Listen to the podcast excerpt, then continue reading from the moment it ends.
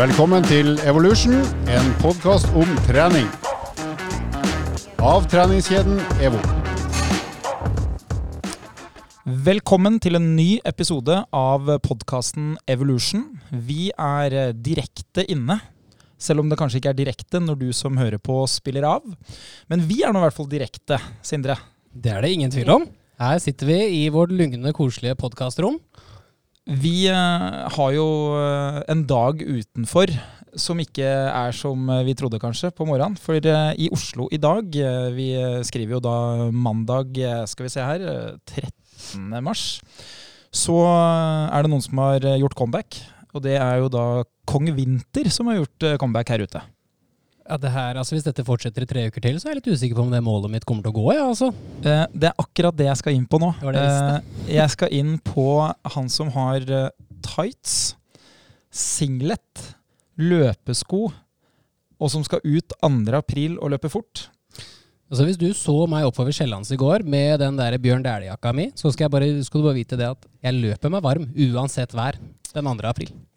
Ja, for det må du. Hvis, hvis du har tenkt å løpe i det været som er her ute nå, da, Det, da altså- må du løpe deg varm. Det er ikke noe tvil. For å si det sånn, Da må jeg vindusviske på disse raske shadesa jeg skal ha òg. Kommer til å dogge før du rekker å starte. Nei, sannheten er jo da at eh, stort sett hele Norge Det var jo i Trondheim i går, og det er jo på Sørlandet, og nå er det på Østlandet, og Nord-Norge har jo virkelig hatt det tidligere. Så eh, har jo vinteren gjort eh, comeback. Nå var det jo ordentlig alpestemning her. Det var jo eh, så mye som 15 minusgrader på natta, det var strålende sol på dagtid. Bar asfalt. Jeg har til og med tatt med meg en Solo Super her, fordi vi er jo, som jeg sa forrige gang, vi er jo i påskemåneden som ikke har påske. Så nå får du en måned med påske. Ikke sant? Du kan gå på ski på ettermiddagen etter jobb. Og så kom det her. Og så, og så kom det været her i retur. Så nå blir det i hvert fall snø til påske. Det, den er kryssa av. Men eh, bortsett fra det, så er det vel kanskje ikke så veldig mange som skal hjem fra jobb i dag som er strålende fornøyd. Det tviler jeg sterkt på. Det er vel Eh, noen forsinkelse på Vy, tror du ikke det? Jo.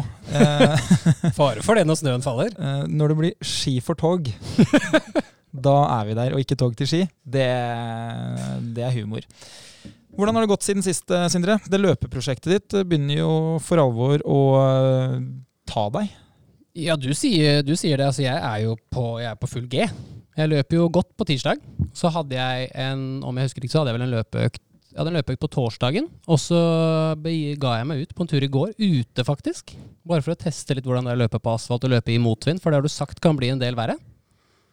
Uh, og jeg må si at uh, det er forbedring, men det er et stykke, på, det er et stykke til, altså. Hvor, eh, hvor langt vil du anslå det til å være fra der du er i dag, til å kunne løpe på under 50 minutter? I- Ok, nå må jeg være ydmyk her, folkens. Jeg tenker jo at jeg er jævla mentalt sterk.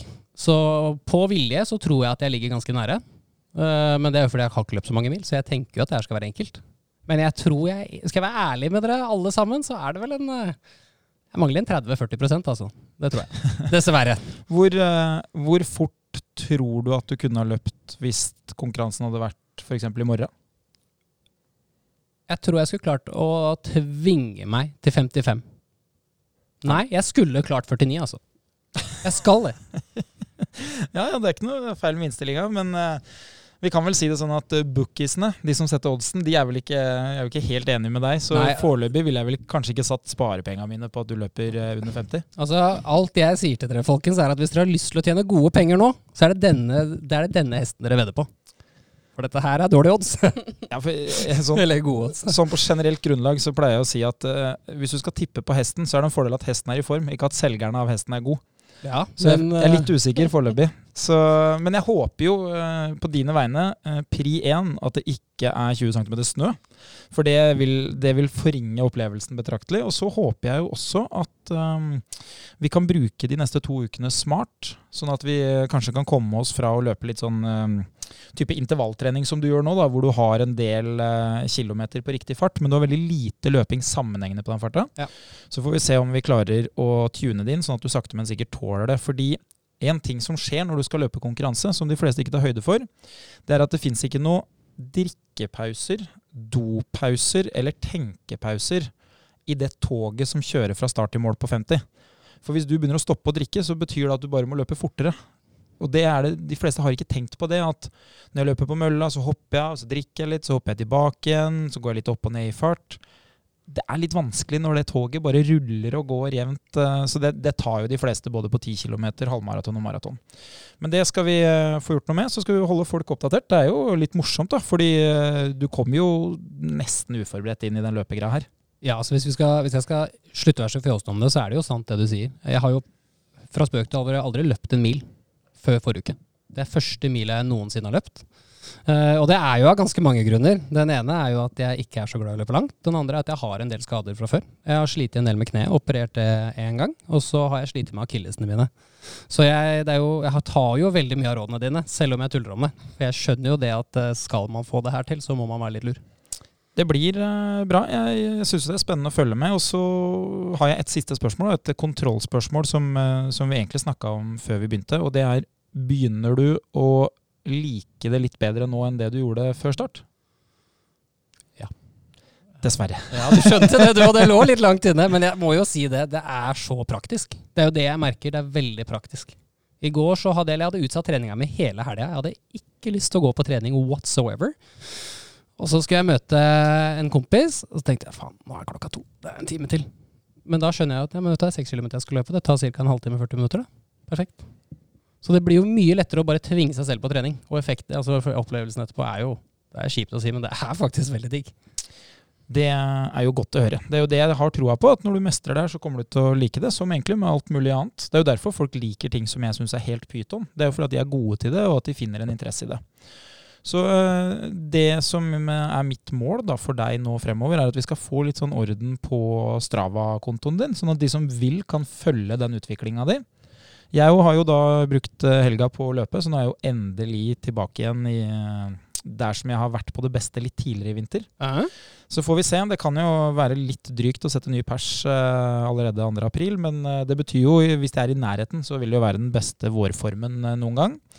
Det betyr dessverre også at Birken ryker eh, neste helg. Det kommer litt for fort eh, for meg, og det blir litt for langt, så da blir det ikke noe skigåing. Men eh, det blir skigåing i påska, så jeg er strålende fornøyd. Hva er det du, beklager, ikke meningen å avbryte deg, men det her var spennende. Hva er det du setter seg som mål hvis du skal slå persen din? Eh, pers er vel Vi snakka litt om det sist, men jeg tror det er sånn 35-42 eller noe sånt. Så det skal nå løpes. eh, Ja, det skal løpes, ja. Det skal ikke jogges. det skal løpes. Eh, så får vi se om det er mulig. Da må du på sånn 16,5 km i timen eller noe sånt på mølla. Eh, høres jo drygt ut, men jeg kan jo si det sånn at det er kortere avstand mellom deg og meg enn det er mellom meg og verdensrekorden på 10 km. Så, så sånn sett så er det ikke hinsides bra. Det er det ikke. Hva er det du pleier å si, Andreas? Det er bra blant de dårlige, men ikke blant de beste? Det- Dårlig blant de beste? Hva heter egentlig ordtaket? Det heter uh, Blant de blinde er den enøyde konge, heter ordtaket. Så det, det, er, det er der vi er. Det er for øvrig et ordtak eh, til eh, tidligere sjef av meg. Det er et klassesitat. Det, er- Mm. det har jeg tenkt på mye. Det er klokt, klokt ordvalg. Men nå Sindre, nå skal ikke vi jatte bort uh, mer tid her, for vi har besøk av noen som er uh, både dyktigere enn oss. Uh, jeg vil jo påstå at vedkommende også er et par hakk bedre enn oss på utseendet. Definitivt et par hakk yngre enn meg. Ja, det, hun er jo ikke så mye yngre enn meg, men hun slår meg jo både på IQ og utseende, så jeg må jo si det at det her blir ganske moro. Når jeg fikk uh, svaret en gang at hun var født etter VM på ski i Trondheim, da skjønte jeg at eh, og det er en stor aldersforskjell mellom oss. Mer om det etter dette.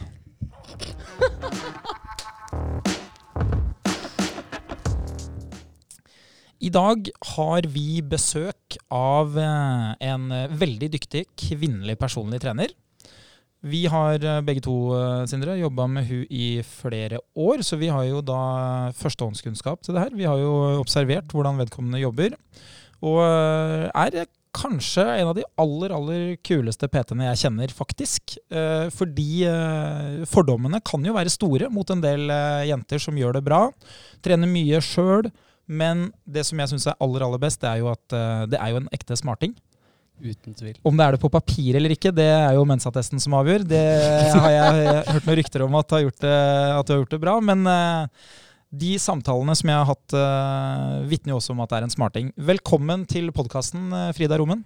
Tusen hjertelig. Altså, jeg syns det var litt sånn urovekkende med hyggelig introduksjon her. Det var uvant fra dere kosegutter at dere var så hyggelige. Men altså, det. vanligvis så ville du jo ikke fått det her. Så Dette det, her, jeg, jeg skulle ønske jeg tok lydopptak. Så det brukt mot dere senere. det blir tatt opp. Dette her eh, kommer nok til å være på tape. Det kommer til å være på video, og det er fortjent. Eh, til de som ikke kjenner deg, da, Frida. Du eh, er jo som sagt da ung nok til å ikke ha fått med deg VM på ski i Trondheim i 97. Akkurat. Eh, det fant vi ut. Det, hadde ikke så mye å si for deg, selv om eh, det ble tatt. Det ble tatt fem VM-gull av Jelena Welbe i samme mesterskap, som er veldig stort. Eh, det er ski-VM da vi snakker om. Ok. Eh, Men fordelen er at om to år så får du sjansen, for da kommer ski-VM i Trondheim på nytt. Men nok om ski-VM. det er ikke derfor du er her. Eh, Du har jo da jobba som PT faktisk helt siden 2017.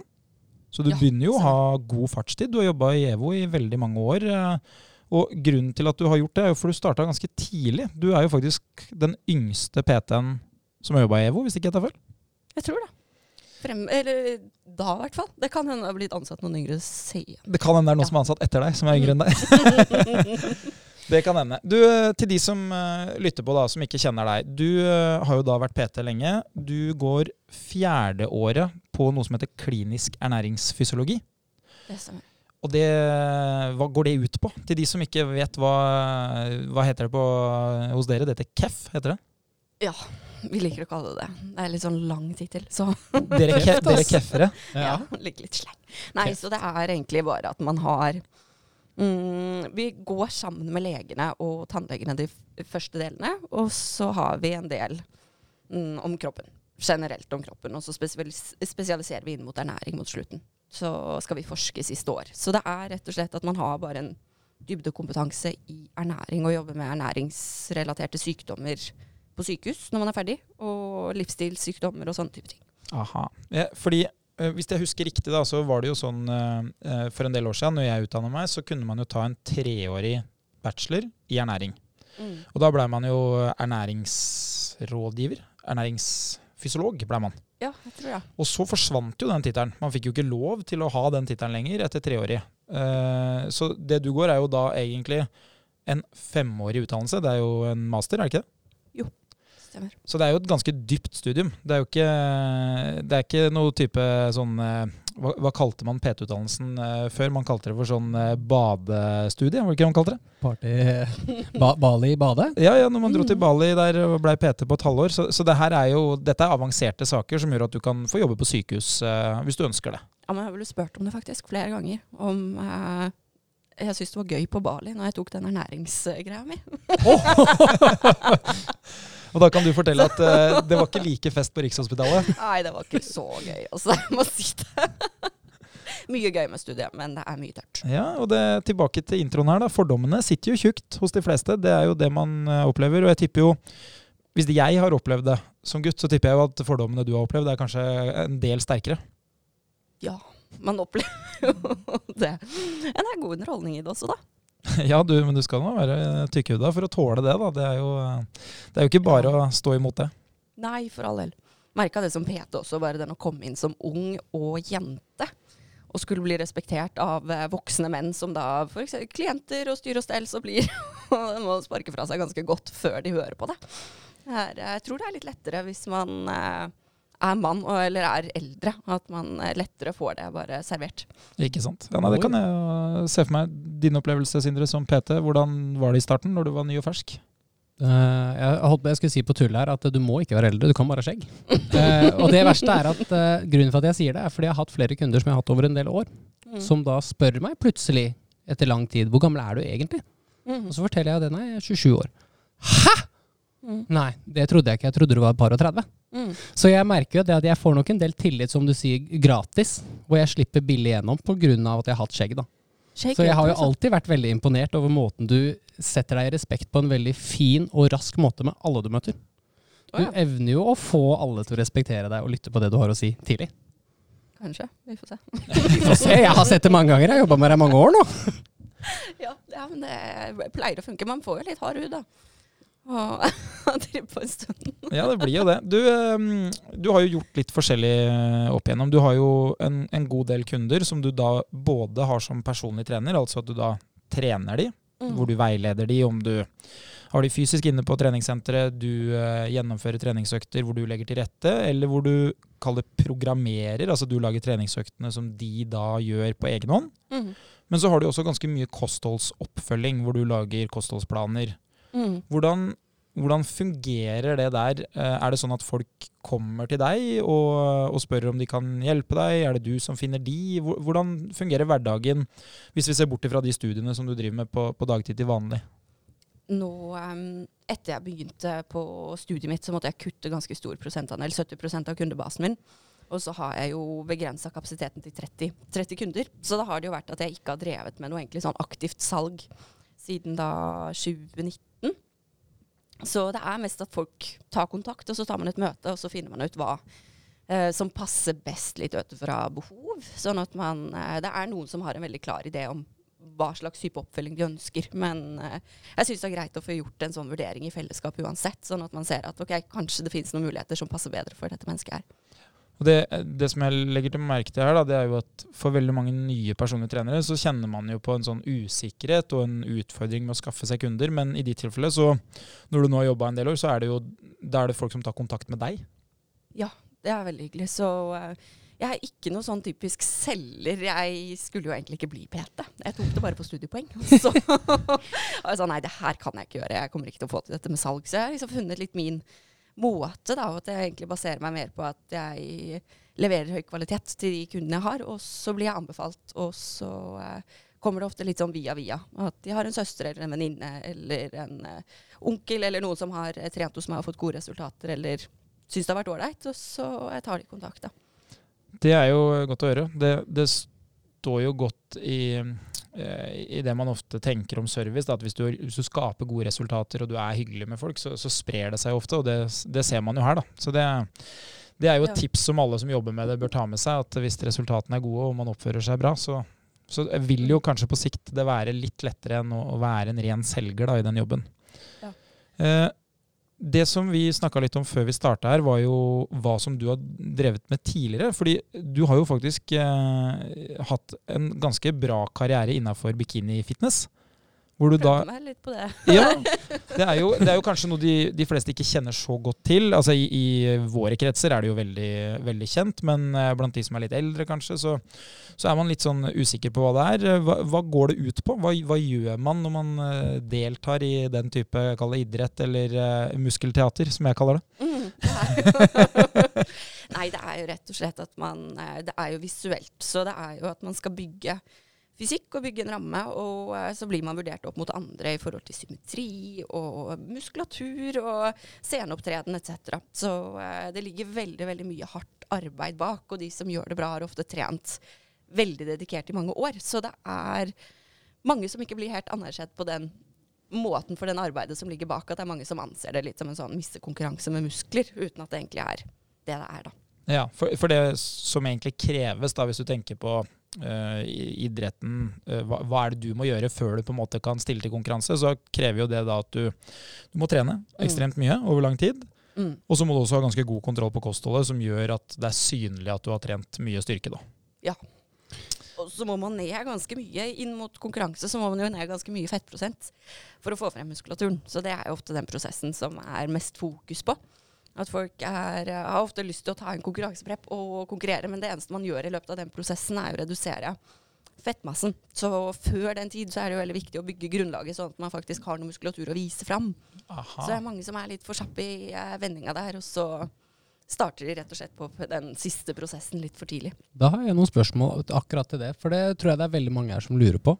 Kan alle oppnå en sånn slik, body, altså som mann, jeg vet ikke hva heter det som mann, det er vel ikke bikinifitness, men eller er det det? Man har jo bodybuilding, og så har Ja. man menns fysikk. Men kan alle oppnå slike resultater? Nei. Nei? Det er jo noen ting som man ikke får gjort så mye med. Uh, så, men for, for, på generell basis, ja. De fleste kan få til en fysikk som ser sånn ut. Men det er jo også genetikk påvirker jo. Og det er jo noen som har bedre potensial rett og slett for å bygge muskulatur og gå ned i fettmasse etc. Så det er jo individuelle forskjeller der. Men eh, ja, de fleste kan. hvis de vil. Men eh, det er jo de færreste som har egentlig syketid. til det. det er, eh, fysikken har de fleste mulighet, men psyken er ofte den biten som eh, knekker folk. Det syns jeg er så interessant, for jeg har jo nå jobba med Frida i mange år. eh, Og jeg har jo fått se noen av de utøverne dine. Og jeg husker, det var en av utøverne, jeg husker ikke navn, men som når dere møttes, så skulle dere, da planla dere at hun skulle stille om to år. Mm. Så dere ser så langt frem i tid og setter opp et mål som er så langt. Mm. Hvordan klarer du, og hvordan klarer utøvere å holde seg motivert når det varer så lenge? Det må jo være veldig vanskelig å se for seg at det helt tatt er mulig på et eller annet tid for veldig mange. Ja, og det er så få minutter man får oppe på den scenen, så Ja. hvis man ikke liker prosessen, så er det ikke noe poeng. Fordi eh, prosessen er så lang, og eh, den time to shine er veldig begrensa. Uansett hvor bra man gjør det, så er det ikke mye tid man får på scenen. Så hvis man ikke liker prosessen, så kommer man til å dette av. Det er, det er jo toppidrett. Også, som alt, Tenk deg hvor mange år du spiller fotball før du får lov, eh, muligheten til å endelig spille fotball foran masse masse mennesker. Og det er jo ikke mange Mm. år du får gjort det. Nei. Det er et nål, du, er i, du slåss gjennom nåløyet, holdt jeg på å si. Mm. Men det er de fleste som begynner på en sånn, et sånn type løp. De kommer aldri i mål. Det gjør ikke det, nei. De, eh, nei, det er veldig undervurdert hvor tøft det er, for, eh, spesielt for hodet. Ja. Å, eh, det å skulle gå ned til så lav fettprosent er jo Man tuller jo med primærbehov. Det å få nok næring er jo faktisk et primærbehov. Så man merker jo at man blir litt skjørere i psyken og føler seg litt sånn puslete. Var du det sjøl òg, eller når du stilte? Å ja, det skal sies. Vi Det- jobba jo sammen da.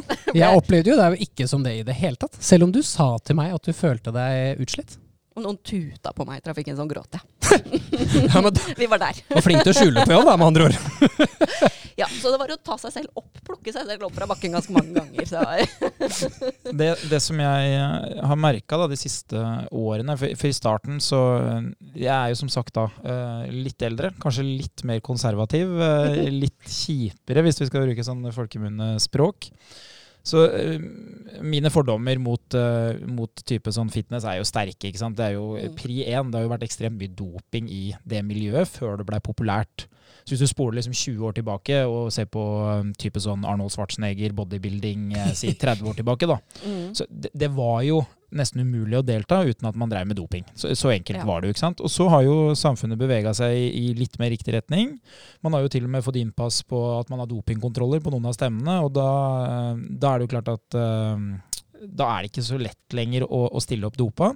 Som, som gjør at man får en, eh, en helt annen type mennesker som deltar. Mm. Men det som jeg har erfart, da, det er at det er lett å falle for fristelsen og tenke at de som gjør det, gjør det fordi de har et eksponeringsbehov, de har behov for oppmerksomheten. ikke sant? Mm. For det vi ser, vi som ikke deltar, vi ser jo bare sluttresultatet. Mm. Vi ser bare bildene av 'se på meg, se hvordan jeg har blitt når jeg har vært med her'. Mm. Mens det jeg har merka når jeg har blitt kjent med de som deltar, f.eks. da gjennom den relasjonen som vi har òg, er jo at man er ekstremt stolt av det man har oppnådd, Mm. og så viser man frem bildene, for det er resultatet av den type dedikasjon som du snakker om da, i forhold til det mentale.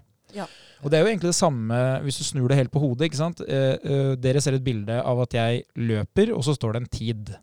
For Mm. meg har jo den tiden en kjempebetydning, for den eh, kan på en måte brytes ned til ekstremt mange kilometer og veldig mange situasjoner hvor jeg har tatt gode valg, hvor jeg har vært villig til å gjøre ting som jeg kanskje ikke har veldig lyst til, men som betyr noe for meg på lang sikt. Men fordi at løping da sånn samfunnsmessig over lang, lang tid har vært anerkjent som noe positivt, i hvert fall hvis du går på langrenn. Ikke sant? Det er jo nasjonalsporten. Det vi, alle de som vinner OL-gull i Norge, er jo fine folk. Mm. Og om de hadde banka kjerringa hjemme, så hadde vi sagt ja, ja, men det er bare fordi de er så mye borte hjemmefra. Ikke sant? Så vi, vi, er jo, vi er jo helt hjernevaska når det gjelder liksom eh, prestasjonen i forhold til hvordan den er satt opp i samfunnet. Da, ikke sant? Fordi det er viktig for oss. Eh, det- det- du trenger ikke gå mye på ski sjøl for å sitte på lørdagen og se på ski. Mens uh, type sånn fitness, da, uten å liksom skulle forsvare det å være lav i vekt lenge og tukle med primærbehovene, som du sier, så, så Mm. tror jeg jo at for veldig mange av de som deltar, så er det jo noe med prestasjonen som er viktig. Mm. Uh, men vi andre bare observerer resultatet, som gjør at det fins en dybde her som de fleste kanskje burde reflektert litt mer over, meg selv inkludert. da. Eh, nå har jeg jo heldigvis gjort det de siste åra.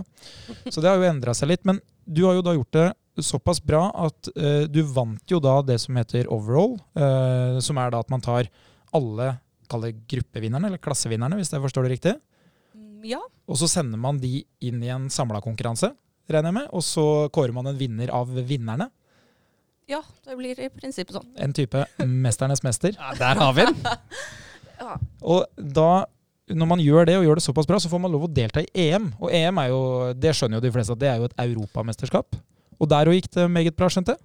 Det var gøy, det, altså. Det var en opplevelse for livet. Og da var du på tur med landslagsdrakt og Ja, ja, ja, det var stas. Så, men jeg kjente det at liksom, livet som toppidrettsutøver var ikke helt meg. Det var gøy å på en måte få oppleve det, men uh, fokus på meg, min trening, min mat, min søvn, min posering Jeg fikk jo ikke jobbe like mye, og uh, Nei, jeg kjente ikke det ga meg så mye. Så jeg har jo på en måte styrt mer inn mot coach. Jeg liker meg bedre i kulissene og heller kunne dytte andre til å få til ting, og andre ut i spotlighten. Og så står jeg litt i skyggene selv og kan heller være en støtteperson. Da. Ja, For det har jeg alltid tenkt på, ikke sant? Fordi øh, man må jo være altså, man, man må jo ha en porsjon av selvopptatthet når man presterer så bra.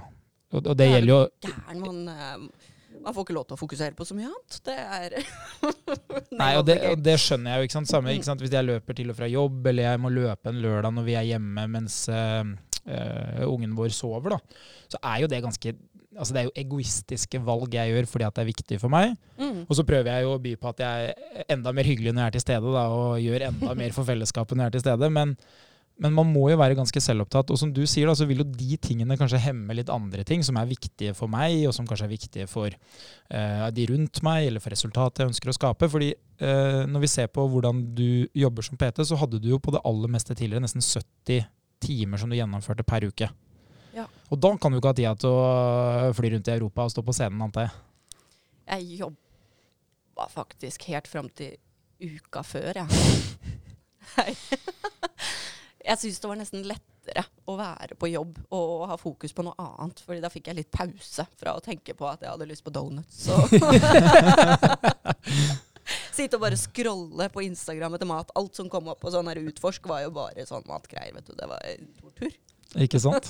Men eh, i dag så er jo livet litt annerledes, som du sier. Nå bruker du jo mye tid på, på studier, men eh, du snakka om at Mm. du har sånn ca. 30 kunder per ja, uke. Jeg, jeg kjenner at det er sånn litt flytsonen. Der kjenner jeg at det er viktigere for meg med den kvaliteten enn kvantitet. Så da vil jeg heller strekke til, fordi det er så frustrerende når det går så mange timer til eh, å sitte og lese. Jeg syns jo det er mye morsommere å jobbe, men eh, nei, heller kvalitet enn kvantitet, sånn sett. Så det, det vi skal gjøre, da, at vi skal gå litt inn på liksom hvilke, hvilke typer råd er det du gir, hvordan tips kan du gi til lytterne. Så vi, vi skal prøve å bli Mm. litt praktiske her. Men bare for å sette det litt i, i rammer, da, så av de 30 personene som du følger opp, så er det ca. halvparten av de, de møter du fysisk på treningssenter og hjelper med trening. Og så har du en annen halvpart som du følger opp digitalt. Mm. Det er en online, uh, online oppfølging på de. Så har man da en gang i uka man har oppfølging, og så får de screen recording som er styr og stell. Og, og så har man formsjekker og møter i ny og ne. Jeg syns det er veldig fint å få møtt folk. Man får en litt annen relasjon da enn når man bare snakker over web. Og hvis, eh, hvis vi skal forklare det til de som ikke er helt med i systemet, men som kanskje tenker at jeg, jeg trenger egentlig litt hjelp til kostholdet, jeg vet at det er smart, jeg har fått det anbefalt av andre flere ganger, da er det sånn at da, vi har da en samtale, til å begynne med en type sånn innledende samtale, og så eh, basert på at du har kunnskap om det her, så vil du da komme med noen råd til en type plan, et type samarbeid som vi to kan ha. Mm. Og så eh, når du sier sånn ukentlig oppfølging, er det da at vi snakker vi på telefon, eller møtes vi, eller hvordan løser du det sånn praktisk? Da har jeg det sånn at jeg, de, eh, jeg setter opp hva de skal gjøre i løpet av uken. Og så registrerer de hva de har gjort, og sender meg et rapporteringsskjema. Og så gjør jeg en screen recording. Da jeg gå gjennom det de har gjort i løpet av uken. Gir de feedback. Jeg har jo veldig lite filter, så de får jo høre hva som ikke er bra nok, da. Og så får de høre hva som er bra, og så får de feedback og litt sånn oversikt over hva som kommer neste uke. Så har man en sånn ukentlig at man beveger seg step by step.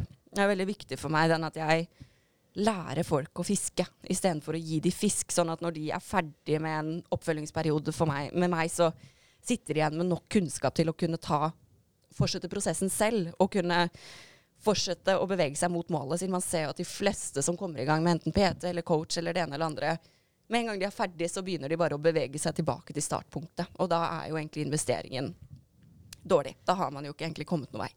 Det er jo et veldig godt poeng da, at du skal lære de eh, kunnskap som gjør at de kan ta gode valg og ta ansvar for seg selv på Mm. sikt. Og det, det mener jeg er en ganske sånn hederlig metode å bruke òg, fordi de gjør jo ofte en stor økonomisk investering. Mm. Eh, og så er det jo ikke sånn at det hemmer jo på en måte ikke din vei mot resultatet at de også lærer noe. Nei. Det forsterker jo som regel egentlig bare deres syn på deg, eh, og du innleda jo med å si at de aller fleste kundene du har, de kommer jo via de kundene som du har på nåværende tidspunkt. Mm. Og det er jo klart at Hvis de forstår at du er flink, som de ofte i større grad gjør hvis de lærer hva du egentlig kan og hva du egentlig er god til, så vil det jo komme flere kunder. da. Så det, det er jo en veldig smart taktikk. Er det noe du har tenkt over, Sindre, når du jobber? Ja, jeg, absolutt. Jeg og Frida vi har jo diskutert PT-faget. Og hvordan, og hvordan man kan eventuelt jobbe tverrfaglig. Altså, vi snakker jo alltid om en mulighet til å forbedre faget. Mm. Og jeg er jo heldig nå som har Jeg og mine kunder er heldige. Jeg er to stykker som går til kostholdsoppfølging hos Frida. Jeg er jo en kostholdsveileder.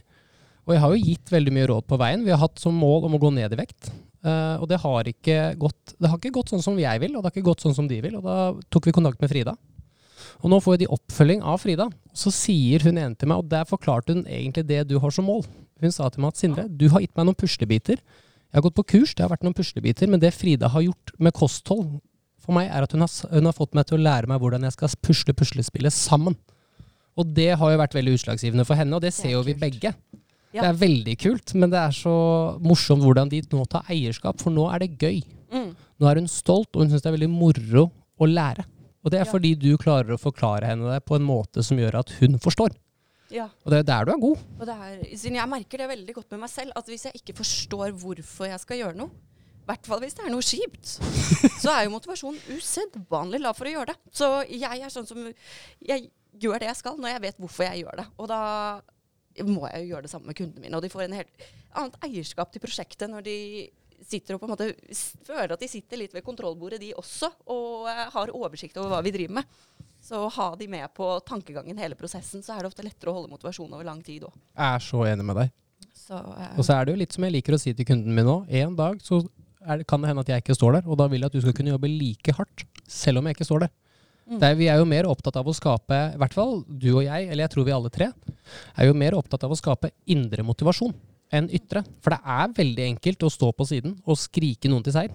mm, Men det er det å få noen til å føle på et eierskap av målet, og føle på at det er gøy mm. og mestringsfullt, selv om det er som du sier, det er ganske kjedelig. Ja, siden mye er jo tungt. Ja, det er jo det i starten. Man kan jo ikke ta det bort at det er mange på en måte valg som man kanskje ikke har så lyst til å ta, men som er nødvendig at man tar på veien. Det er jo litt som du sier med ungen din, at det, det å skulle være egoistisk er det veldig mange som sliter med. Og det ser jeg jo i hverdagen, og det er derfor jeg ofte stiller spørsmålet har du noen hjemme som støtter deg i ditt mål? Mm. For akkurat nå er det viktig at du setter deg selv i fokus. Mm. Og det forsto jeg jo med min kunde, og du hadde hatt en ganske lang forventningssamtale om, at Mm. nå er det du som står i fokus. Hvis du har lyst til å få til dette. Mm. Ja, folk har så vanskelig for den å ta den plassen i sitt eget liv. At de sitter og føler på at de svikter folk eller ikke strekker til for andre fordi at de setter av plass til å ta vare på seg selv. Og det er litt som de sier på fly, at man må ta på sin egen oksygenmaske først. og eh, hvis man ikke gjør det, så har man jo et problem lenger nede i løypa.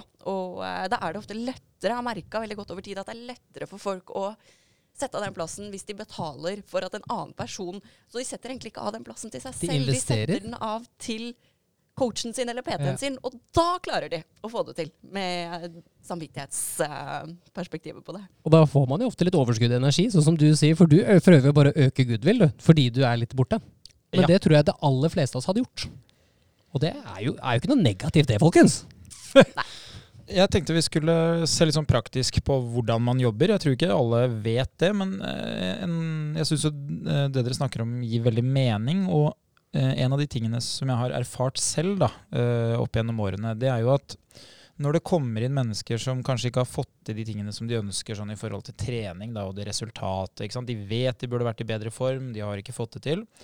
Så er min erfaring at i mange av de tilfellene hvor de har lyktes, så kan motivasjonen begynne med en type ytre motivasjon. Ikke sant? Jeg skal ned i vekt, jeg skal se bra ut. Eh, sånne enkle, primitive, gjerne. Hvis, du, liksom, hvis vi hadde sittet i 100 mennesker her og skulle rangert de eh, motivasjonsfaktorene, så ville nok de fleste vært enige om at ok, å se bra ut, det er jo ganske primitivt. For i Norge så er ikke det noe man sier høyt. Eh, selv om veldig mange har det som sin eh, originale drivkraft når de begynner prosessen. Mm. Men så ser vi jo at eh, grunnen til at de ofte har det, det er jo fordi at de ikke har som dere sier da, motivasjon til å gjøre de tingene som er kjipe. Mm. Så, så de har på en måte ikke noe sånn De er ikke knytta til oppgaven i noe sterk grad. De liker ikke å løpe. Mm. Men de vet at løping er en metode for at jeg kan få en annen ting som jeg liker, og det er at jeg ville gjerne sett bedre ut enn jeg gjør, eller eh, nå veier jeg så mye at jeg begynner å ha stor grad av frykt for at dette kommer til å gjøre et eller annet med helsa mi om ikke lenge, så derfor så må jeg egentlig veie mindre enn det jeg gjør. Og så ser man da at hvis man da møter på en PT eller en eh, som hjelper meg med kostholdet, eller eh, en eller annen som eh, gir meg eh, veiledning i valgene jeg tar, så plutselig så kan det bli veldig sånn eh, positivt å oppleve at jeg blir god til noe, f.eks. å løpe eller trene styrke, eller altså hva det er. Og så er det plutselig det som blir motivasjonen. Mm. Så det jeg har opplevd, da, er at mange av de som jeg trener i dag, som jeg har trent i over ti år, de begynte med ytre motivasjon da jeg møtte de første gangen, men det er indre motivasjon som er driveren for at de klarer å gjøre det bærekraftig over lang tid. Mm. Så det tror jeg jo er det som er smart med å lære folk uh, selve metoden. Og, og da syns jeg det var så kult når du nevnte det i stad, at du må jo lære dem å bruke en fiskestang. Mm. Ikke? Ikke gi de fisk. Selv om ordtaket som Sindre har brukt i mange år, er vel strengt tatt 'ikke ta med fisk på fisketur', som er 'ikke ta med damer på fest'. Ja. Obviously. Sier ikke Men altså Bare sånn til de som lytter nå, så ikke de tror at dette er samme ordtak. Fordi det er to helt forskjellige ting. Jeg ser det litt annerledes enn vi andre. Ja. Men uh, hvis vi skal bli uh, litt mer konkrete, da. Uh, jeg ønsker å få hjelp til å gå ned 10 kilo i vekt. Jeg tar kontakt med deg, Frida, fordi jeg kjenner noen andre som har vært hos deg. De har fått gode resultater. Jeg tenker dette er neste steg for meg. Det her er smart. Mm. Og så tenker jeg, basert på det som jeg vet i dag, Mm. eh, så har jeg noen, eh, kall det noen tanker, forventninger om hva en som jobber med kosthold gjør. Og det er jo pri én, du kommer jo til å ta fra meg alt som er godt. Det, det vil jeg jo anta. ikke sant? Her ryker, Nei, nei, nei. her ryker alt i saksa av de tingene jeg egentlig vil ha. Og så Mm. kommer du til å påføre meg en sånn derre eh, knekkebrøddiett med grønnsaker og gjerne sånn Gråstein. Grå, grå, sånn grønn drikke. Eh, hvordan, hvordan praktisk foregår det her? Eh, hva, hva er det jeg sitter igjen med som kunde? Får jeg, får jeg beskjed om hva jeg skal spise? Får jeg beskjed om hva jeg ikke skal spise? Hva, hvis du skal beskrive det på en enkel måte. Nei, hadde, jeg hadde nok først tatt deg inn på en formsjekk. Så da tar man en bioimpedansvekt som måler da muskelmasse, fettmasse, plassering, vann, styr og stell. Og basert på det så kan jeg kalkulere hvor lang tid vi trenger på å gå ned de ti kiloene for at du skal kunne bevare livskvalitet parallelt. Fordi det er der de fleste gjør en litt dårlig deal eh, egentlig for seg selv. At de har så dårlig tid på å nå målet at de ikke kan gi noe prioritet til livskvalitet underveis. Og da blir det jo ikke en livsstil man ønsker å fortsette med når man når målet, fordi man har det jo kjempeskipt. Så det, det er veldig viktig for meg med det, det er en veldig liten prosentandel som får til å ha det kjipt over veldig veldig lang tid. Men det er så liten prosentandel at det er ikke noe vits å egentlig ta hensyn til de. Folk flest liker å ha det fint.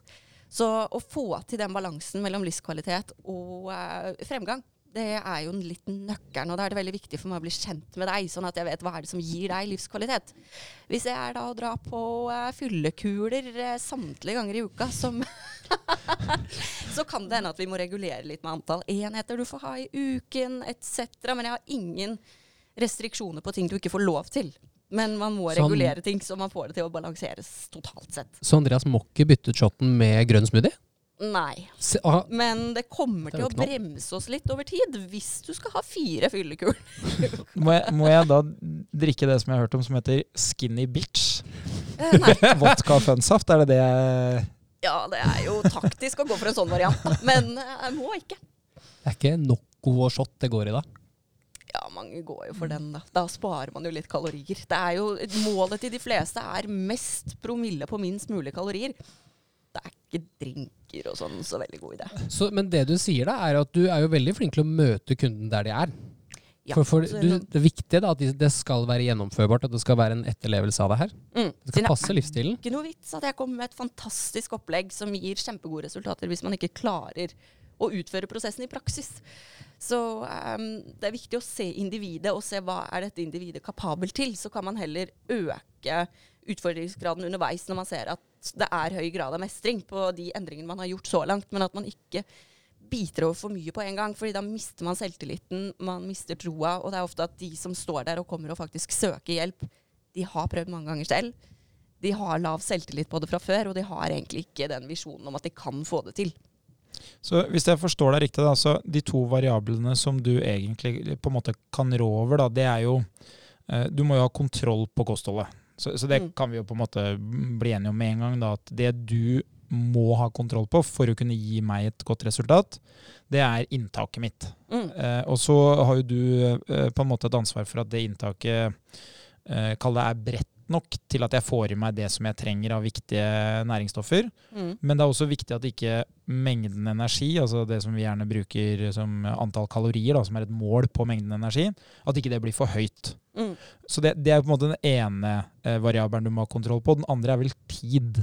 Mm. Så hvis du sier at eh, eh, basert på det som du ønsker å oppnå her, Andreas, og, og det, som, eh, det som du på en måte har fortalt om deg selv, eh, det gjør at et halvt år er smart. Mm. Mens hvis du hadde sett at ok, du, du er ganske tøff, du kan liksom tåle litt, eh, litt tøffere kostholdsregime her. Du tåler liksom eh, en større grad av et litt mer rigid system, da, hvis vi kan si det sånn. Du skal ikke på fyllekule to ganger i uka. Du, eh, du er faktisk villig til å kanskje ha kall det ukedager hver dag i en lengre periode. Mm. Da er kanskje tre måneder mer riktig.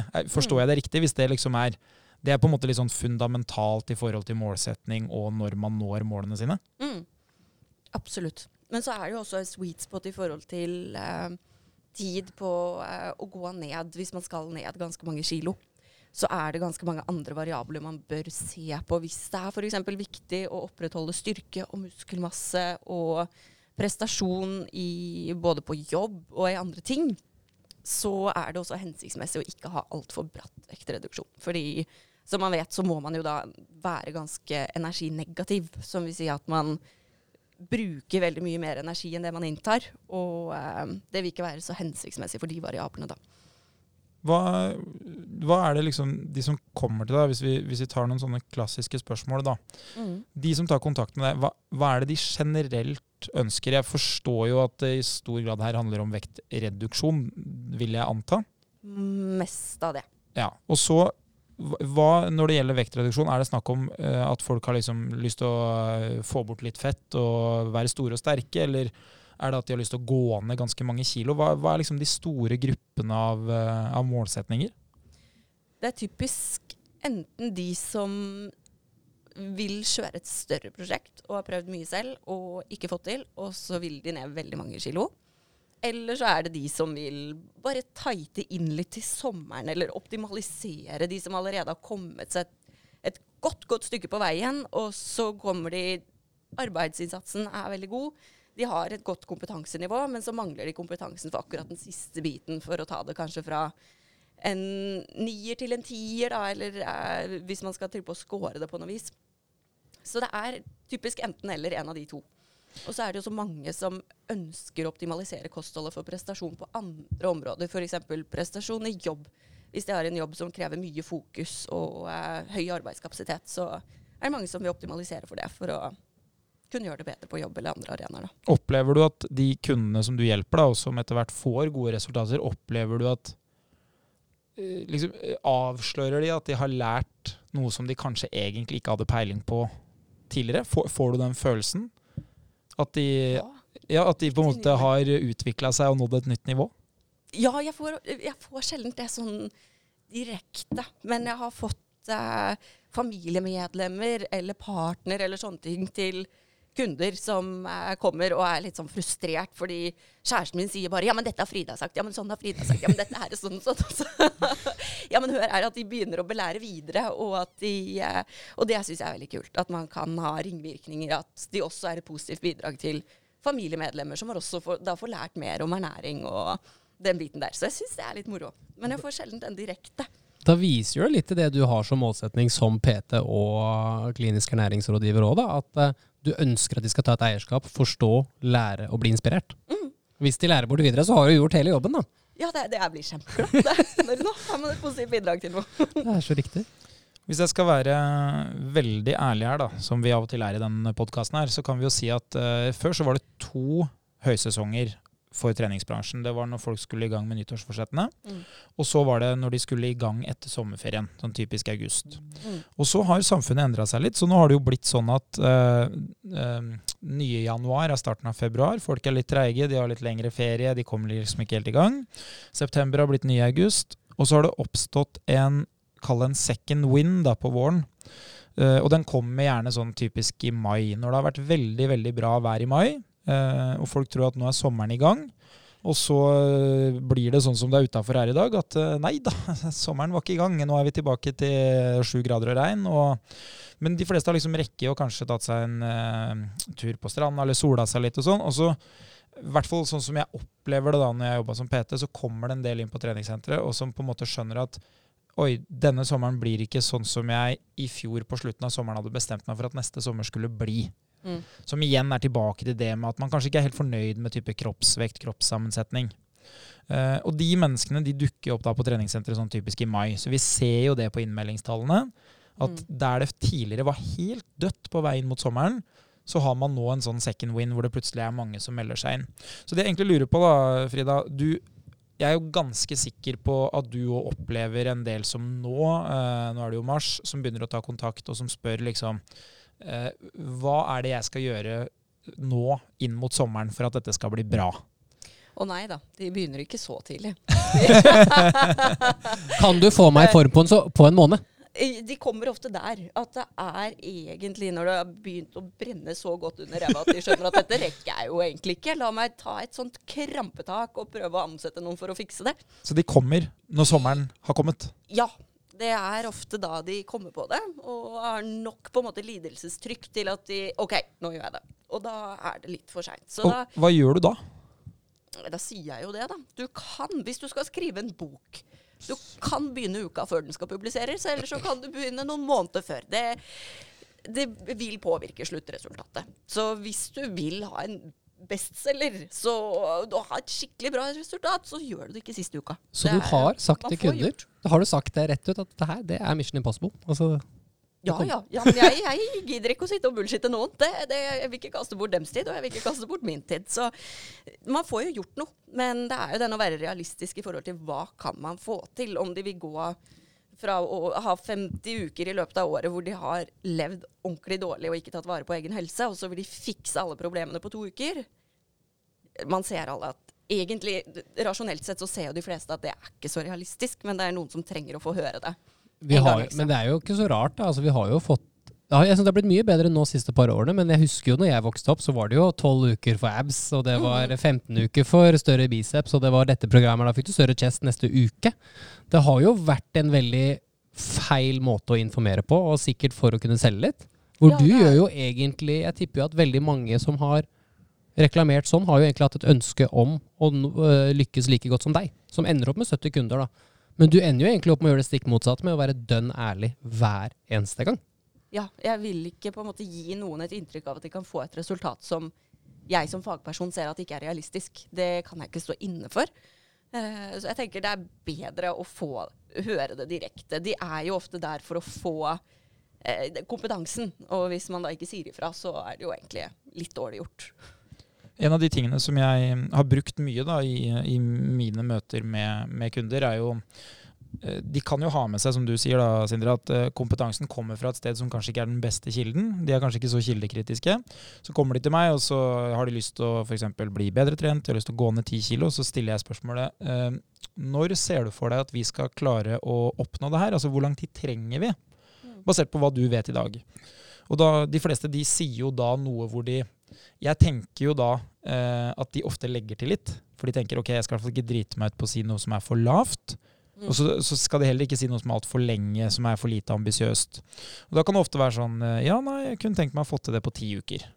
Ikke sant? Og da, da vet jeg at de har kanskje lagt i fem-seks uker i forhold til hva som egentlig de har lyst til å få til. Og så vet jeg også at da har de jo veldig liten kunnskap om det de ber om for en kilo i uka. For en person som ikke har tenkt på dette før de satt foran meg, det, det vil bli ganske sånn fysiologisk sett eh, tøft, da. Uten tvil. Og da pleier jeg å stille spørsmålet eh, ti uker. Eh, vi kan godt være enige om det. Jeg vet hva som kreves for at det skal gå ti uker. Men hvor lang tid har du brukt på å legge på deg de ti kiloene? Mm. Bare for å kunne sette det litt i kontekst av hvilken innsats det har vært. da. Ja, nei, det har jeg gjort i fem år. Ok, Så du har brukt fem år på å gå opp, og så skal vi bruke ti uker på å gå ned. Det, det høres ikke ut som det er et veldig stort samsvar for meg i liksom bygge stein på stein for å veie ti kilo mer, og så skal vi da bare knuse det huset på ti uker.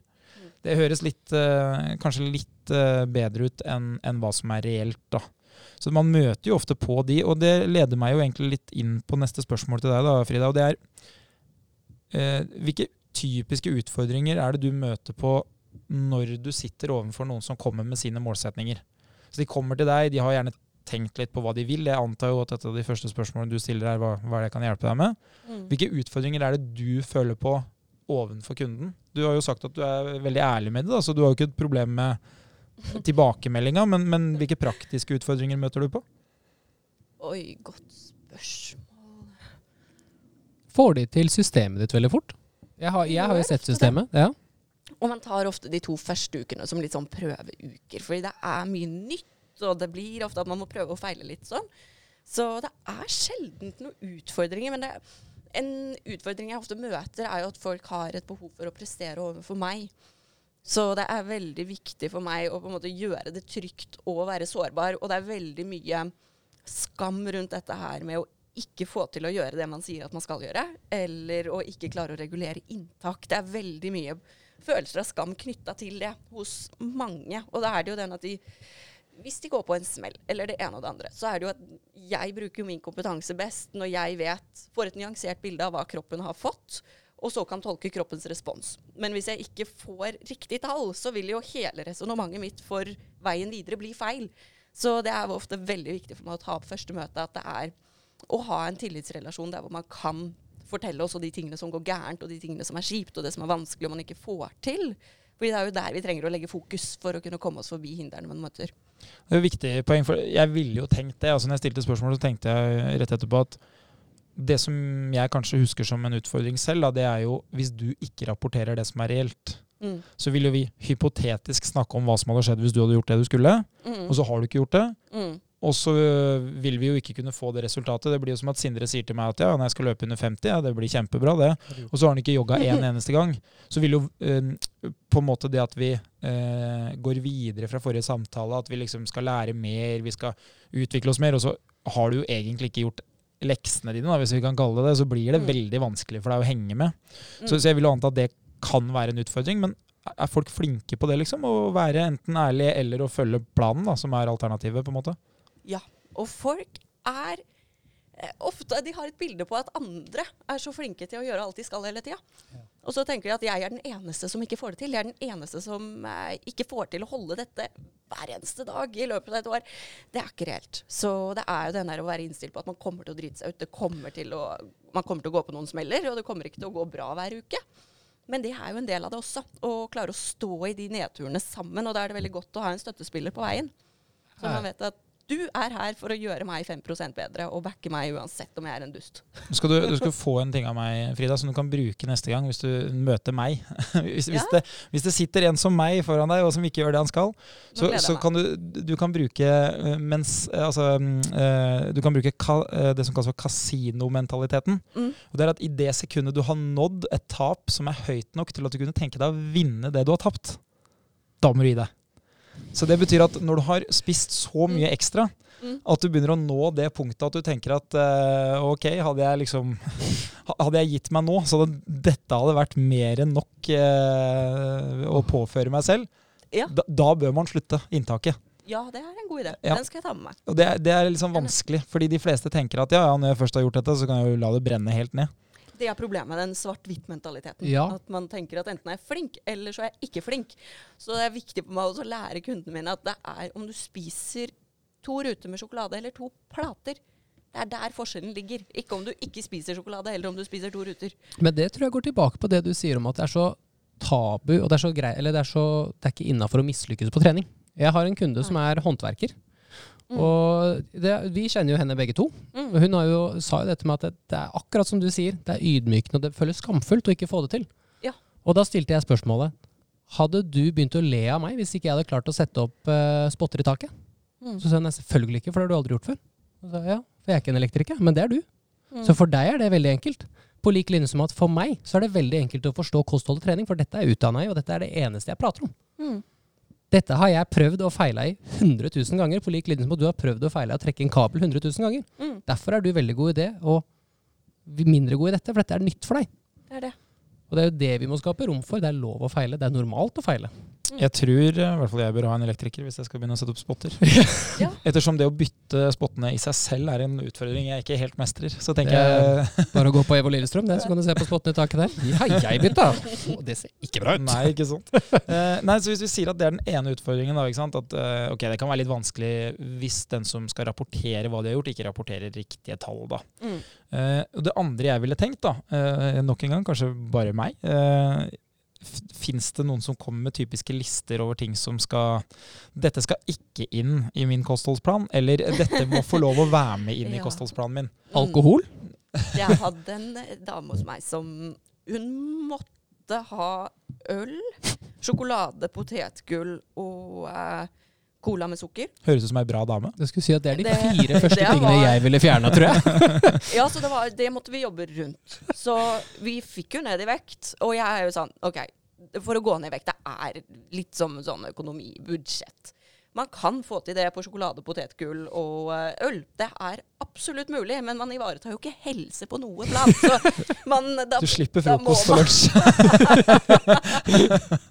Så det gikk, det. Men jeg var ikke sånn superfornøyd med at vi gjorde det på den måten. Men det er litt sånn, da informerer jeg kunden om at da mister vi litt av fordelene med dette her. Men uh, vi får fortsatt flere fordeler enn at du fortsetter å leve som du gjør. Så eh, det går, det. Men uh, Ja, det er det er altså. veldig lite Ja. tilfredsstillende for meg. Men jeg må si det, jeg har aldri møtt en kunde som er så ærlig med meg. Var det første møte? Var hun så ærlig da? Nei, nei, det tok noen møter. Ja, det gjorde det. Ja, Ja, for der tenkte jeg det er tøft gjort, altså. Jeg måtte først komme til den at uh, du må opp i ringa. Dette er ikke bra nok. Hva er det som gjør at vi ikke leverer det vi skal? Og da kom det. Jeg tenkte jo kanskje at dette her er jo min ernæringsfysiolog. Ja, for det var akkurat det jeg skulle si! Sånn, komme med en sånn liste, så der det står liksom sånn Skal i hvert fall ha én pose Smash, og så skal jeg ha noen krokodiller, og så skal jeg Men da skal du vite det at jeg har jo brukt deg som en sånn hobby Jeg har jo brukt deg som lei deg hobby jeg ved å stille deg sånn kloke spørsmål her og der bare i forbifarta, for du syns jo det er så gøy å hjelpe. Ja, ja, ja. Og jeg husker jo at du fulgte jo litt med på hva jeg spiste da jeg jobb, prøvde å jobbe like lenge som deg. Mm. For jeg prøvde jo bare å følge mønsteret ditt når jeg begynte i Evo Lillestrøm. For Ja. jeg hadde jo aldri jobba som det før, og så sier du 'prøv dette og dette'. Så sier Andreas noe av det samme, tenkte jeg. Hvis to smarte mennesker sier det, så burde det funke. Drikk mest mulig Litago. Og da, ja, og da kommer hun, vet du. Men Sindre, du må spise dette, for da skjer sånn og sånn. Og det er så raskt, og det er billigere, og det er lurt. Og du har lært meg så mye. Og det har jo funka. Ja, ja, ja. Jeg har jo endt opp med å prestere bedre. Du presterer som bare rakker. Ja! Til Ja, tider. du, du gjør det, Sindre. Det finner vi ut 2. april, enn om vi, om vi Ja, løper ja, 50 minutter eller ikke. Jeg tror ikke pasta kvelden før er det som redder deg. Jeg tror det er treninga på forhånd, men uh... La meg styre kosten de siste to ukene. Med glede. vi- Altså, jeg tar alle Jeg tar all hjelp jeg kan få. Ja, Program fra Andreas og all hjelp trengs. Eh, hva, hva er de typiske eh, fordommene, da, hvis vi igjen skal bruke det ordet, eller eh, i mangel av en annen beskrivelse? Hva, hva er det folk tenker når de møter deg? Altså, det er jo ikke sikkert du får høre det direkte, men hva tror de liksom at jeg, jeg ville jo tenkt at ok, nå, dette her, det blir brokkoli og torsk, ville jeg tenkt. Jeg tror mange tenker det. Jeg tror. Men det er ikke så reelt. Men um, folk tenker jo ofte at ok, for å gå til hund der, så må jeg være fitnessutøver og være liksom kunde. Jeg må være, liksom, trene mye og sånne ting. Så jeg må egentlig trene meg opp litt først. Og det er jo ikke sant. Det er absolutt ikke sant. Og majoriteten av folk jeg jobber med, er vanlige folk. Og det er folk som skal gå ned massiv vekt og ikke kan noe når de starter. Og det er jo da man har best utbytte av det. Er å begynne når man allerede er god. Hva skal de med meg da, egentlig? Det er jo ofte da de trenger meg minst. Godt poeng. 5 er det ikke det? Det er jo noe med det. Kult. Eh, hvis vi skal prøve å lage noen generelle tips, da. Si at vi hadde fått inn et uh, spørsmål. Hva, hva kan vanlige folk gjøre? Altså Hvis du skal eh, si, ta to-tre punkter da, som vanlige folk kunne ha brukt, som du har erfart at fungerer bra, Mm. eh, hvis de selv ønsker raske resultater. Si at eh, jeg møter en kunde i morgen, da, og den kunden ønsker eh, å gå ned ti kilo. Hva er det Mm. jeg som PT da kunne ha tatt med meg inn i det møtet og sagt at dette her er liksom ting du bør eh, fokusere på for at du skal få til det? Nok protein. Det er protein. kanskje en av de første tingene jeg ville fokusert på. Ville du ha bytta det med noe, eller ville du ha lagt det til, eller? Det kommer litt an på totalinntaket og se litt hvor man ligger i forhold til energibalanse. Men eh, på generell basis så gir jo det mer metthet, og det er det som er næringen til muskulaturen. Så hvis man trener styrke eller kondisjon parallelt, så vil jo proteinbehovet øke. Og eh, de fleste ligger ikke høyt nok i protein til egentlig eh, Søren, nå glemte jeg litt hvor jeg var. Jeg håper vi kan klippe litt. ja, ja. Nei, vi, men vi er Nei, men jeg har et Eh. du, du svarte egentlig på det, men jeg har et oppfølgingsspørsmål på det du sier nå. Ja. For jeg har jo kunder som har preferanser på protein. Noen mm. er veganere, noen spiser altså sånn, og så kan Altså, du sier jo proteiner.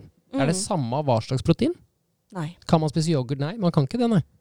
Så det er litt forskjell på litt forskjellige ting, men typisk sånn for veganere og sånn, så er det viktig å se på aminosyrer. Okay. For det er noen som er essensielle, som vil si at man Kroppen kan ikke produsere de selv. Så hvis den ikke får det via kosten, så vil det mangle noe som vil påvirke andre biologiske prosesser. Så, Så, men det gjelder stort sett veganere. mm, Hva med vegetarianere? Det er også eh, litt å følge med på. Så da er det ofte den å kombinere proteinkilder. At man ikke låser seg til at jeg henter alt av proteinet mitt fra f.eks. Eh, bønner. Det er jo Og- kanskje et veldig godt tips å ta videre. Fortsett. Beklager. Mm. Det var, du er jo god.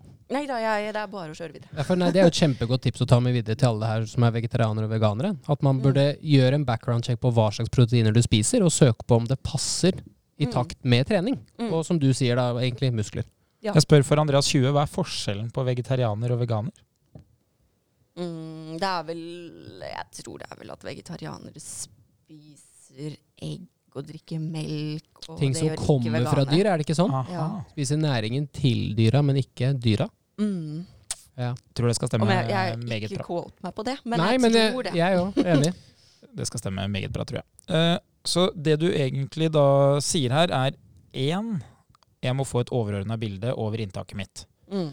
Som mest sannsynlig kommer til å avdekke nummer to at jeg spiser for lite protein.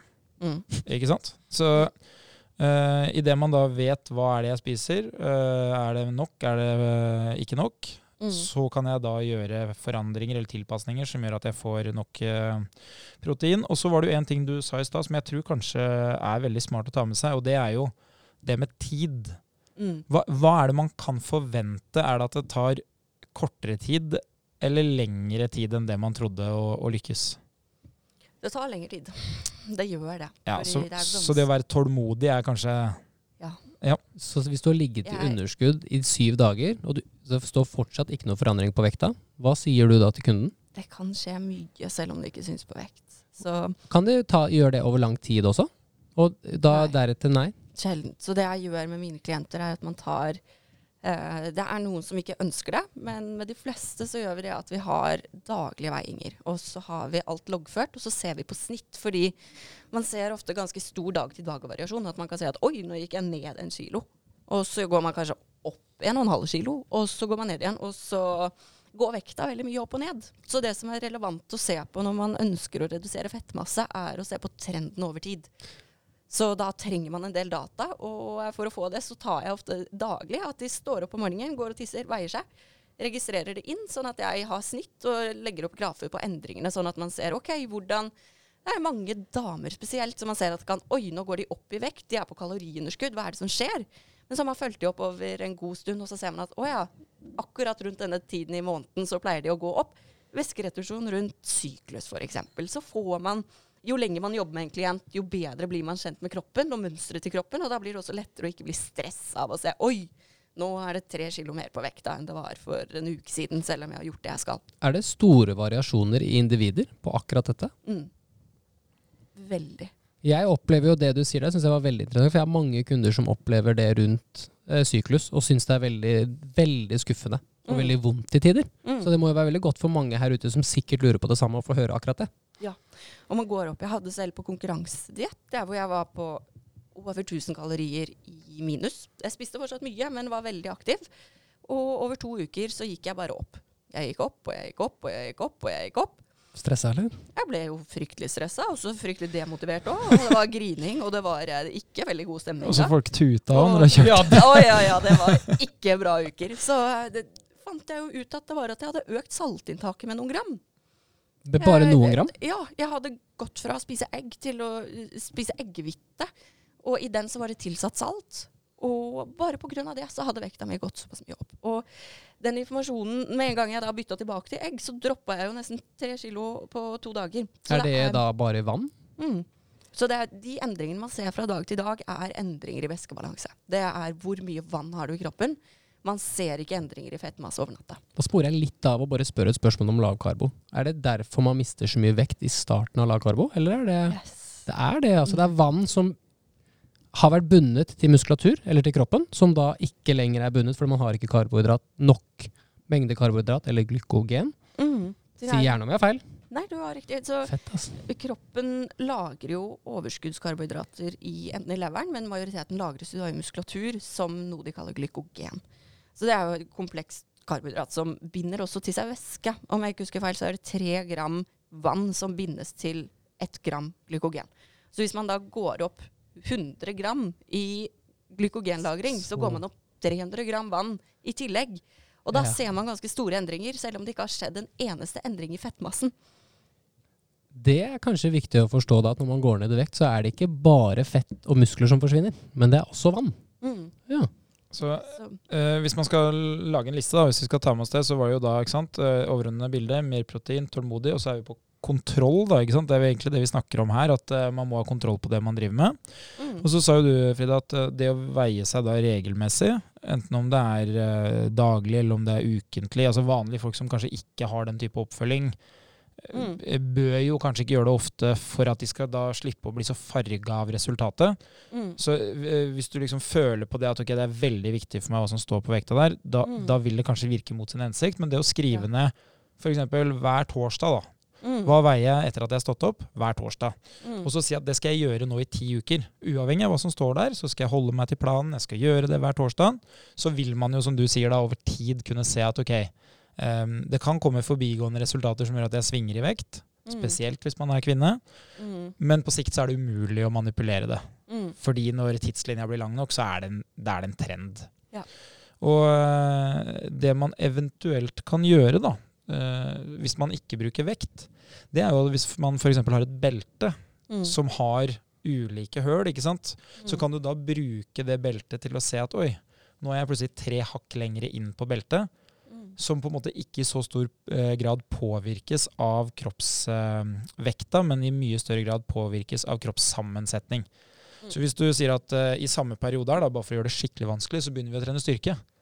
Du, Mm. Som du snakker om, da, at hva er det som er helsemessig fornuftig her? Kanskje du også anbefaler folk å begynne å trene samtidig som de skal ned i vekt. Så plutselig så ender det med at eh, å ja, vi har dratt inn med tre kilo muskler på ti uker. Vi har også gått ned i vekt. Så Mm. veier de kanskje ikke så mye mindre, for de har jo da eh, lagt på seg muskelmasse, som igjen drar med seg væske. Aktiv muskelmasse det binder jo mye mer væske enn det passiv muskelmasse gjør. Mm. Og så ser de på badevekta hjemme at eh, fader, men dette, dette går jo ikke veien. Men så ser man på beltet da, at oi, ups, her er det jo plutselig veldig mye mindre mage da, som skal inn i, eh, inn i det beltet. Så her kan jeg jo trekke igjen både to og tre ekstra hakk. Mm. Så det er jo en metode og en sånn type kontroll man kan ha på at man går i riktig retning. Så, Mm. Som er kjekt da hvis man er på en litt lengre prosess. Da. Veldig spesifikk og fin måte å gjøre det på, da. Mm. Så det, det er jo liksom den enkleste. Man kan bruke målbånd, da, selvfølgelig. Man trenger ikke å bruke belte. Men nå eh, må huske at uh, i en stor skala av mennesker så har jeg jo da trent både de som bruker målbånd, men jeg har også trent karer som uh, sier at målbånd, det har jeg ikke. Så da går vi ikke og kjøper det på butikken, da bruker vi belte isteden. så det, det er jo en metode. Men jeg føler liksom at vi har, eh, at vi har lært en del her, da, Sindre. Jeg syns det er veldig mye lærerikt. Og, og kosthold er jo noe som de aller fleste personlige trenere ikke jobber ekstremt mye med, men det er noe de må behandle fordi veldig ofte så knytter kunden prestasjonen sin opp mot noe som både angår trening og kosthold. Mm. Ikke sant? Vi, vanlige mennesker de, de putter eh, kroppsvekt i kategorien eh, om jeg trener eller ikke trener. Og så er det kanskje veldig mye strengere knytta til kosthold enn det er til trening, egentlig, for de aller fleste.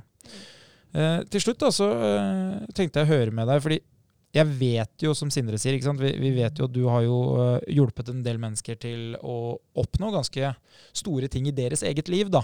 Mm. Eh, Det er jo lett å tenke, som jeg tulla med i stad, at eh, de må hjelpes til medaljer og alt mulig rart. Men, men en erfaring som personlige trenere ofte får, er jo at de som ikke skal vinne gullmedaljer, de er ofte enda mer takknemlige. Mm. De er jo nesten villige til å gi bort hele prestasjonen sin til deg som fagperson. Mm. Eh, så eh, har du noen, liksom, noen kundehistorier på strak arm? En kundehistorie, en kunde du har hjulpet hvor, hvor vi kan hente ut litt sånn Hva er det du har hjulpet vedkommende med, og hva fins det noen som sitter og hører på, som kanskje kunne liksom da tatt i seg noen tips? Mm. Er det noen som har gått ned veldig mye vekt, f.eks.? Ja, det er en case som var litt interessant, fordi vi hadde egentlig veldig begrensa med tid. Eller i form av eh, oppfølging. Så eh, han jobba veldig, veldig mye. Det var eh, fulle dager hele uka og jobba utland i helger og veldig mange reisedager i løpet av måneden. Overvektig, mye skader og medisinert for høyt blodtrykk og begynte å nærme seg diabetes type 2. Så da var det jo at han tok kontakt med meg for at han ville ansette meg for å ta ansvar for hans helse. Og eh, vi fikk til et ganske godt samarbeid på det at han eh, Han sa at jeg har 100 minutter til rådighet i uka. Så jeg sa OK, da trener vi. Så vi hadde da eh, 50 minutter ganger to i løpet av et år. Eh, og det var alt han trente. Han var veldig lite aktiv ellers. Han var, fikk han til å gå litt turer, men det var veldig lite tid å gå på. Og så regulerte vi ernæringsbiten. Og eh, relativt enkelt, fordi det var ikke så mye tid til matlaging eller sånne ting der heller. Så eh, fikk vi han da ned 15 kilo fettmasse eh, i løpet av det året. Og han eh, trente chinups med vekt i beltet og eh, godt over 100 kilo i de fleste baseøvelser. Og han slutta på blodtrykksmedisin og det ene og det andre og det tredje og det fjerde. Og arbeidskapasiteten var økt, så han tok jo da på seg en utdanning som han tok da i tillegg, parallelt. Så eh, det var ganske rått å se ikke bare hvordan på en måte kroppen endra seg, men også en som hadde så mye arbeidskapasitet, og egentlig man tenkte at han har maksa ut, plutselig fikk 30% ekstra, som man kunne fylle opp med enda mer. Og jeg tenker jo ikke det er løsningen, at man skal jobbe så sinnssykt mye. Men eh, hvis man ønsker det, så kan det også være veien å gå. Men en gulrot må jo være for veldig mange som kjenner på, kjenner på at man er sliten etter jobb. Det er jo Mm. det jeg ofte hører hos mine kunder, at jeg er veldig veldig sliten. Så Ja. jeg orker ikke å gå på trening. Det du forteller er at man kan jo faktisk få et overskudd og mer energi. 30% mer kapasitet er jo drømmen til de aller fleste. Mm. Jeg tror jeg hadde vært ganske fornøyd da hvis jeg kunne ha 30% ekstra med energi. altså. Mm. Ja, helt klart. Og. Det er jo helt rått, egentlig. det som jeg tar med meg da, når vi hører en sånn type historie, det er jo ofte at inngangskriteriet her er jo at man må anerkjenne problemstillingen. Mm. Og så må man søke etter løsninger. Mm. Og så kan man gjerne prøve og feile i forsøket på løsning.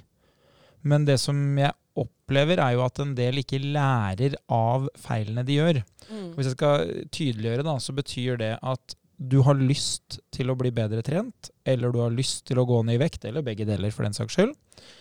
Du melder deg inn på et treningssenter, og etter en stund så melder du deg ut av treningssenteret. Så melder du deg inn et annet sted, melder deg ut, og så kjøper du nye ski, og så kjøper du deg en ny sykkel. Og så går du i en evig spiral hvor fellesnevneren er at jeg skal få til dette her. Jeg må bare finne noe som er gøy nok, eller som kan vare lenge nok. Og så gjør man ikke det. Mens kundehistoriene som eh, vi hører da, når vi har besøk av de som jobber da, med, med kosthold og trening, det er jo at man har anerkjent problemet, og så har man fått hjelp av en fagperson. Mm. Så jeg skjønner jo at for de aller, aller fleste så vil det være et kostnadsspørsmål. Mm. Og så vil det for noen være enkelt fordi man har råd til det. Og for andre så er det jo viktig å sette behovet opp mot kostnaden det medfører. Mm. Men i mange mange tilfeller så vil jeg jo si det at bare det å starte opp med en fagperson, Mm. ikke nødvendigvis fortsette med det i et år hvor man har ukentlig oppfølging, men bare det å få litt hjelp i starten til å på en måte finne ut hvor er jeg, hva er det smart å gjøre, og når er det jeg er fremme, hvis en fagperson skal vurdere det. Mm. Det vil ofte gjøre at det er litt lettere. Så Mm. fellesnevneren for veldig mange kundehistorier er jo nettopp det at få hjelp av noen som er vant til å hjelpe mange. For, Mm. for den personen er jo drilla i akkurat hvordan du skal få det til. Selv om mange føler jo, som du sa i stad fint, eh, Frida, at de føler jo at de er unike. At alle andre får det til. Jeg er den første som skuffer Ja. PT-en Mm. min. Jeg er den første som skuffer den som hjelper meg med kosthold, om det er næringsfysiolog eller hvem som hjelper deg, da, om det er en PT. Så man føler liksom selv at ok eh, den dalen som jeg er i nå, da, det er jeg er den eneste som vandrer rundt her nede, og det er jo ganske skuffende. Men sannheten er jo at det er der alle er, som regel. Eh, Jeg pleier å si det sånn at det er ganske lett for meg å avsløre hvem som kommer til å lykkes. Mm. Eh, fordi de skiller seg veldig, veldig ofte ut. De har tatt kanskje dårlige avgjørelser fordi de ikke helt har skjønt hvilke avgjørelser de har tatt. Så når jeg forteller de at dette skal du gjøre, så kommer de tilbake og så har de gjort mer. Så det er lett å avsløre. Mens mange er jo da på et uh, punkt hvor de ikke helt klarer å vurdere uh, hva skal jeg velge. F.eks. skal jeg velge å ta tid fra de hjemme for å gjøre ting som er bra for meg selv. Og så kommer de tilbake igjen, og så glemte de kanskje å gjøre noe på tirsdag, eller de fikk ikke tid til det, eller så var det noe annet. Og, og det er jo de som er flertallet. Mm. Selv om eh, individet selv føler jo gjerne ofte at det er bare meg, alle andre får det til, så er, så er ikke gjennomsnittet De syns det er en utfordring, altså. Ja, men jeg er ikke aleine der. Nei, for du kjenner vel deg igjen i det, du òg? Ja, jeg er jo gæren. Men Og er, I løpet av en sånn lang prosess i hvert fall, så er det jo ofte at man flere ganger møter den at man har lyst til å kaste inn håndkleet. Så eh, det er jo den der å allerede på forhånd eh, forberede seg litt på at det kommer til å komme. Og det får man jo fra en fagperson. Og så er det jo mange som ikke møter opp hos en fagperson, er jo fortsatt litt der at de ikke tar ansvar for sin egen situasjon. At det er lettere i møte med vanskelige følelser å flytte det på noe eksternt og si at det er at jeg det er ikke riktig treningsstudio, det er ikke sånn det er litt uh, for lenge til sommeren, eller jeg, det er for mye jobb, eller nå kommer det påske. Det er alltid noe eksternt som er årsak til at man ikke får til de tingene man forteller seg selv at man skal få til, fordi det gir mindre smerte. Og så lenge man er der, så kommer man ikke noen vei. Det er lettere å finne unnskyldninger enn å finne motivasjon. Det kan jeg jo si på egne vegne. Så, og det er jo, jeg kjenner jo at der treffer jo meg perfekt. Og det er derfor jeg er veldig opptatt av La meg sette opp et system som gjør at jeg, som en vimsete person, Mm. lykkes. Mm. Så da er det kanskje ikke det å trene syv dager i uka som er lurt. Eller å spise kylling og brokkoli. Da er det kanskje å ta seg én øl. Ikke fire, Mm. men å alltid tilrettelegge og leve så nært man er vant til å leve, da. Men Mm. på en sunnere måte. Ja. ja. Så minst mulig endringer. Jo mindre endringer man kan gjøre av gangen, jo bedre ofte. Så de fleste biter over for mye i starten, og så blir det at de ser at dette her var jo kjipt, og det var ikke noe gøy, og det var det ene og det andre, og så kaster man igjen håndkleet. Nei, for det er jo et godt poeng at eh, kanskje ikke man skal revolusjonere livet i første forsøk. Kanskje man skal gjøre én og én endring i takt med at man lykkes.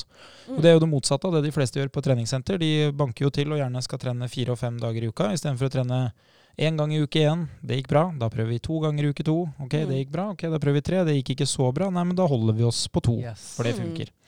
Så det, det er jo et godt tips. Hva er planene dine videre, Frida? Har du noen egne målsetninger? Er det noe på agendaen? Skal du bli sterkere? Skal du gjøre som Sindre, begynne å løpe fort? Jeg har sett at Jeg du har begynt har- å jogge. Ja. Ja. Men det var egentlig pga. Uh, veldig mye ettervirkninger av eh, tre runder med covid. var jeg så heldig å få. Så eh, det var at jeg så på spirometri og eh, var og tok skann av lunger. Å, eh, og det så ikke så bra ut. Jeg fikk litt lavere prosent enn det jeg skal som såpass ung og trener såpass mye. Så var det ok, jeg prøver å gjøre det som kan gjøres. Så da var det å begynne med litt mer kondisjon, ja. Da kan jeg stille spørsmålet jeg ofte blir stilt. Var det gøy? Eller? I starten eller nå? Ja, nå. Starten ikke i det hele tatt. Kjenner meg igjen. Ja, det er sånn følelse av å dø levende. Ja! det er, man kjenner bare sjela forlate Altså, kroppen. Vi som, vi som har vært enige og diskutert mot Andreas i mange år, at styrketrening er gøy, løpetrening det er for idioter. Mm. Men så må jeg jo si det at eneste grunn til at jeg sier det, er fordi løpetrening det er mentaltrening. Det er mye jeg synes det er, det merker jeg sjøl, jeg vet ikke hva du syns det er, Frida, men jeg syns det er mye tyngre og mye mer belastende både fysisk og mentalt enn å trene kjempetungt. For det er veldig greit for meg å bare skulle ta tre så mange jeg klarer, for det går fort. Men når du skal løpe en, altså Jeg snakker jo om en mil, og jeg snakker jo om det som om det er en, et maraton. Mm. Så skjønner jo jeg det nå når jeg ser deg på Strava, for jeg logga jo inn i går. At eh, det er, selv om jeg føler at dette er et maraton, Ja. så er det andre som føler at det er en enkel søndagstur. Ja. Trengte Alt- egentlig ikke mer informasjon om Andreas Skjetne enn at han løper hjem etter arbeidsdagen. For Det er jo han da- er eh, faen meg syk i hodet sitt, han derre. Jeg eh, jeg eh, jeg fikk beskjed av en student en gang hvor jeg sa Han spurte da i plenum med mange mange studenter i salen når jeg foreleser da, for de som skal inn i treningsbransjen. Så spurte han du, hvorfor, hvorfor liker du så godt å løpe. Så sa jeg nei, du, vet du hva. Én, det er jo praktisk. Eh, to, det gir meg jo noen opplevelser av og til. Eh, tre, jeg liker jo å være god til noe som jeg egentlig syns er ubehagelig, så jeg gjør det jo mest av alt fordi at jeg evner å få det til. Så ser han på meg, og så sier han du selger det inn så bra. Nå er det ingen her som har lyst til å løpe. Og så ler da 70 stykker i salen. Samtidig tenkte jeg kanskje ikke det beste innsalget av jogging jeg har gjort, Nei. men det er sannheten, da. De sier jo at man lever lenger av å jogge, men man lever ikke lenger enn tiden man bruker på å jogge. Så man bør like å jogge hvis man gjør det. Ellers så bruker man opp gode år ja, det, på ting man ikke liker. Så jeg putter meg selv i den kategorien. Jeg har hørt dette her. Og så liker jeg da livbøya om at tiden imellom jogginga da blir jo kanskje forhåpentligvis litt bedre. Det er jo, det er jo en forskjell på mm. å være i form når man er 75, eller å være i live. Det vil jeg jo påstå. Det. det. kommer tilbake med renter, på godt og vondt. Så den som lever, får se. Det er vel det vi er enige om. Jeg tror rett og slett vi skal eh, runde av. Ja. Vi har fått mange gode tips til hva man kan gjøre med kosthold. Eh, jeg liker jo svært godt at vi kan gjøre det enkelt. Det er jo ikke alt som, uh, som, gjøres enkelt. Ofte så snakker man litt over hodet på, på en del som uh, vil ha tips. Så jeg håper jo at vi uh, overfor lytterne har gjort dagens tema så enkelt som mulig, og at alle har fått med seg noen enkle, gode kostholdtips. Så vil jeg jo takke Frida for at du tok deg tiden til å være her, og at du har muligheten til å bidra. Og I tillegg lurer jeg på Om med glede igjen. Men er det hvis noen har lyst til å følge deg eller finne ut noe info om deg, er det noe sted de skal lete? Og hva skal de i så fall søke på? Er du aktiv på noen sosiale plattformer? Jeg, er, jeg prøver å være litt aktiv på Instagram. Ja. Jeg er litt dårlig på det. Så, Fri, men, Frida Rommen rett fram, eller? Ja, jeg ja. holder det enkelt. Altså. Så det er bare å sende meg en melding hvis det er noe jeg kan bidra med, eller noe du lurer på. Så jeg prater gjerne med deg over uh, sosiale medier. Jeg skal løpe mila på 50 minutter. Har du noen tips? Ikke, nei, ikke til deg, Øst. ikke til meg, nei. Det, Sindre. Ikke gjør det. Ving.no. Se om det fins noen mulighet til å komme seg ut av landet. Nei, vi uh, runder rett og slett av. Så uh, inntil videre så vil jeg jo ønske alle lyttere en uh, god treningsuke. Og så satser vi på å høres igjen neste uke allerede. Så på gjenhør. Vil du vite mer om trening, abonner på podkasten og sjekk ut vårt treningsmagasin på evo.no.